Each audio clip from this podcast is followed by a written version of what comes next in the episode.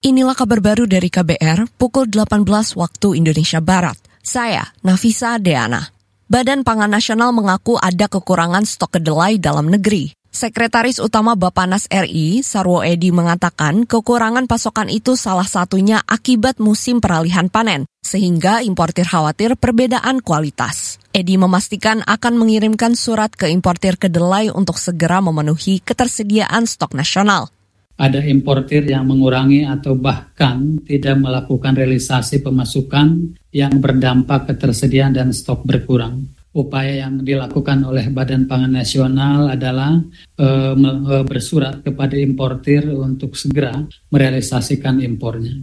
Sekretaris Utama Bapanas RI Sarwo Edi menegaskan akan menjatuhi sanksi kepada importir yang tidak kooperatif. Kata dia, stok kedelai nasional saat ini kurang dari satu ton, padahal kebutuhan mencapai lebih 200 ton per bulan. Sementara itu, kedatangan impor kedelai sekitar 200 ribu ton juga terkendala karena kondisi keamanan di terusan Suez. Kita ke informasi lain. Pemerintah mengeklaim ada peningkatan pergerakan destinasi wisatawan Nusantara pada libur Natal dan Tahun Baru 2024. Menteri Pariwisata dan Ekonomi Kreatif Sandiaga Salahuddin Uno mengatakan pergerakan turis domestik mencapai lebih 60 juta perjalanan. Angka ini meningkat 12 persen dibanding tahun lalu.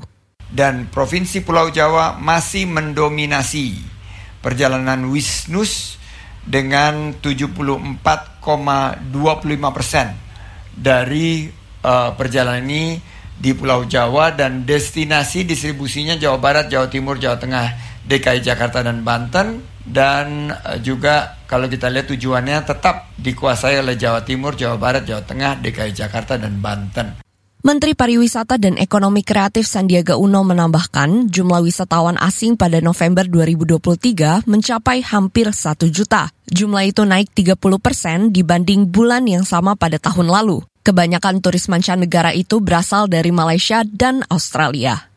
Beralih ke mancanegara, Aksi beli panik atau panic buying dialami sebagian masyarakat Jepang usai gempa magnitudo 7,5 mengguncang perairan Semenanjung Noto, Prefektur Ishikawa pada Senin lalu. Seorang WNI di Komatsu Hazmi mengatakan kondisi itu dipicu banyaknya supermarket yang tutup. Apalagi pembatasan pembelian air mineral mulai diberlakukan.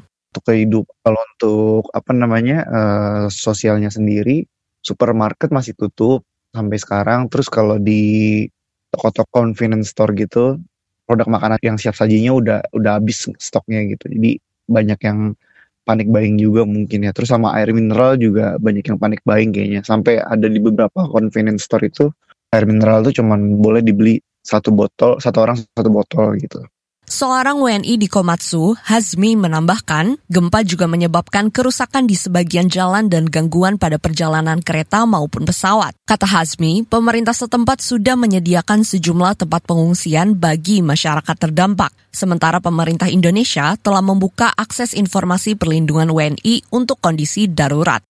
Inilah kabar baru dari KBR pukul 18 waktu Indonesia Barat. Saya, Nafisa Deana.